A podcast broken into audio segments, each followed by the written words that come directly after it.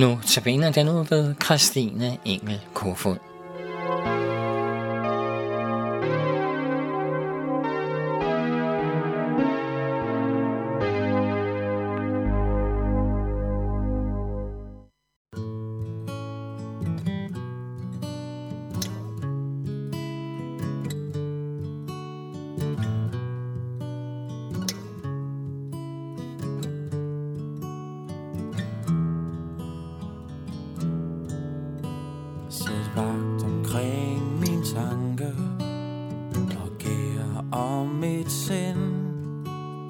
Så meget under urent Vil snige sig derind.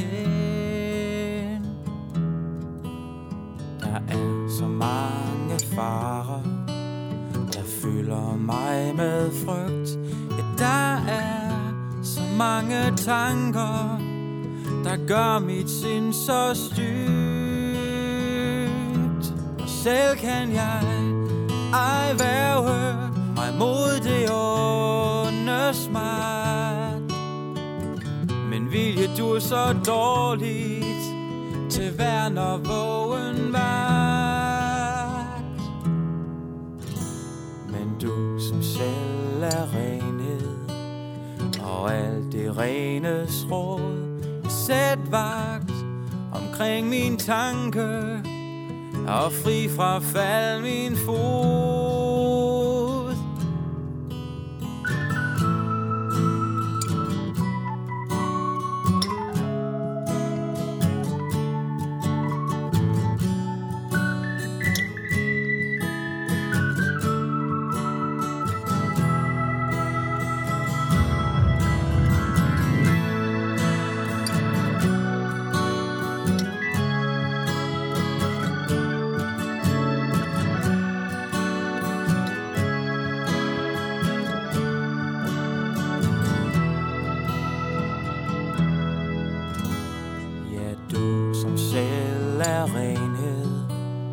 Og alt det rene råd Sæt vagt omkring min tanke Og fri fra fald min fod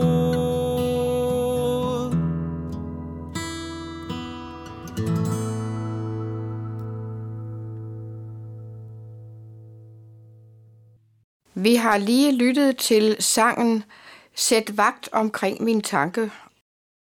I denne uge vil vi fokusere på Guds befalinger og hvilke konsekvenser de har for os. I dag vil vi koncentrere os om de 10 bud og det største bud i loven. I 5. Mosebog kapitel 6 siger Herren, Hør Israel, Herren vor Gud, Herren er en.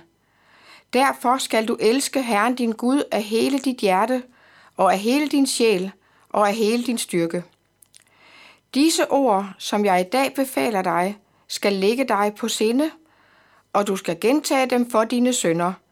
Du skal fremsige dem, både når du er hjemme, og når du er ude, når du går i seng, og når du står op.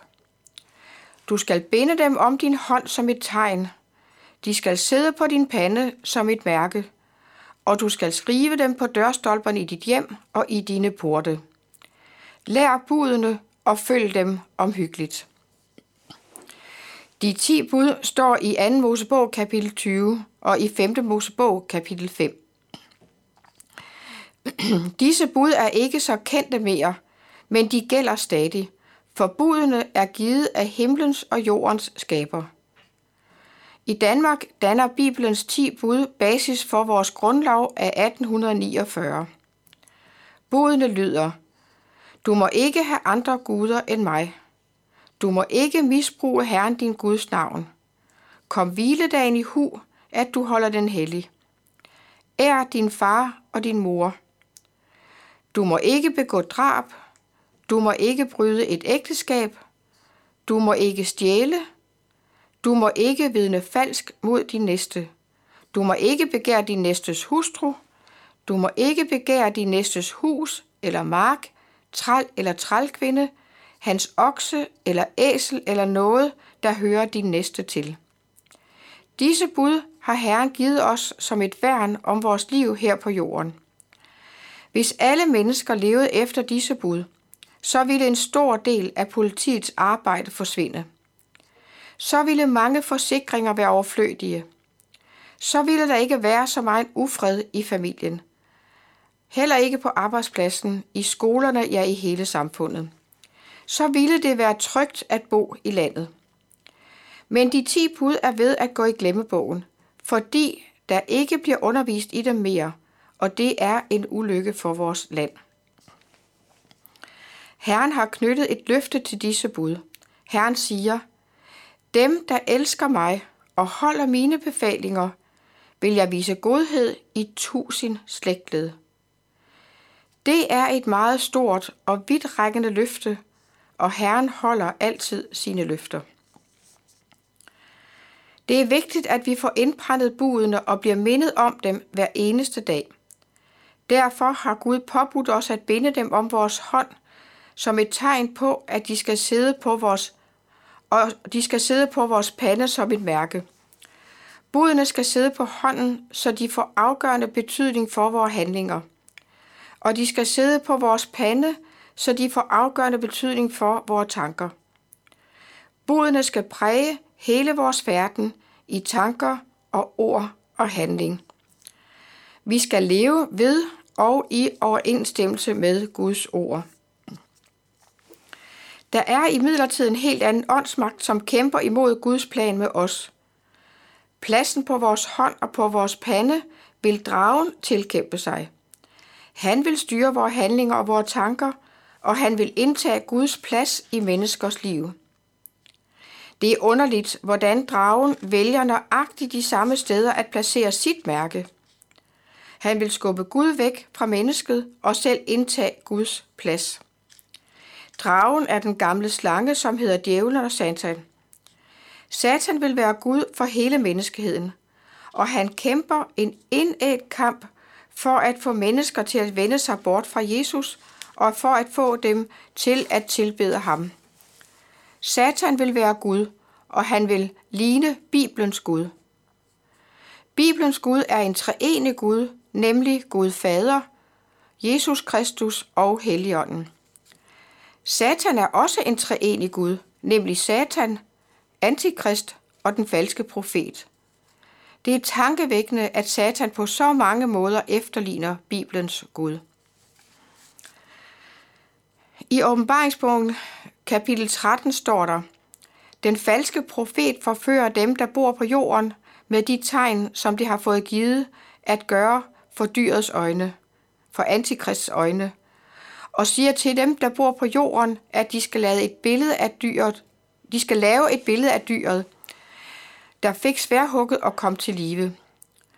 Og det fik givet at blæse livsånde i dyrets billede, så dyrets billede også kunne tale og få alle dem dræbt, der ikke vil tilbede dyrets billede.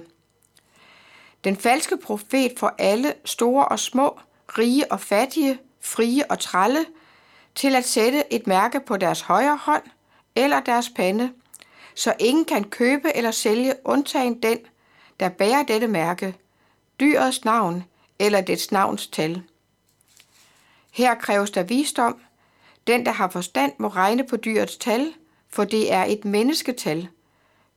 Dets tal er 666. Satan vil eje mennesket. Han vil sætte sit mærke på menneskets hånd og pande. Dette hører vi om i Bibelens sidste bog. Men i 5. Mosebog har Gud Herren påbudt menneskene at sætte hans befalinger på hånden og på panden, for at vores tanker og gerninger vil være præget af Guds ord. Det er en åndskamp mellem Gud, Herren og Satan. Kampen drejer sig om dig og mig. Hvem tilhører vi? Den dag Jesus kommer tilbage til jorden for at holde dom. Herren siger i åbenbaringsbogen kapitel 14, hvis nogen tilbeder dyret og dets billede, og sætter dets mærke på sin pande eller hånd, skal han også drikke Guds harmes vin, skænket ufortyndet i hans vredes bæger, og han skal pines i ild og svovl for øjnene af de hellige engle og lammet. Hvem vinder kampen om dig og mig? Vi skal nu lytte til sangen dit ord lyser for mine fødder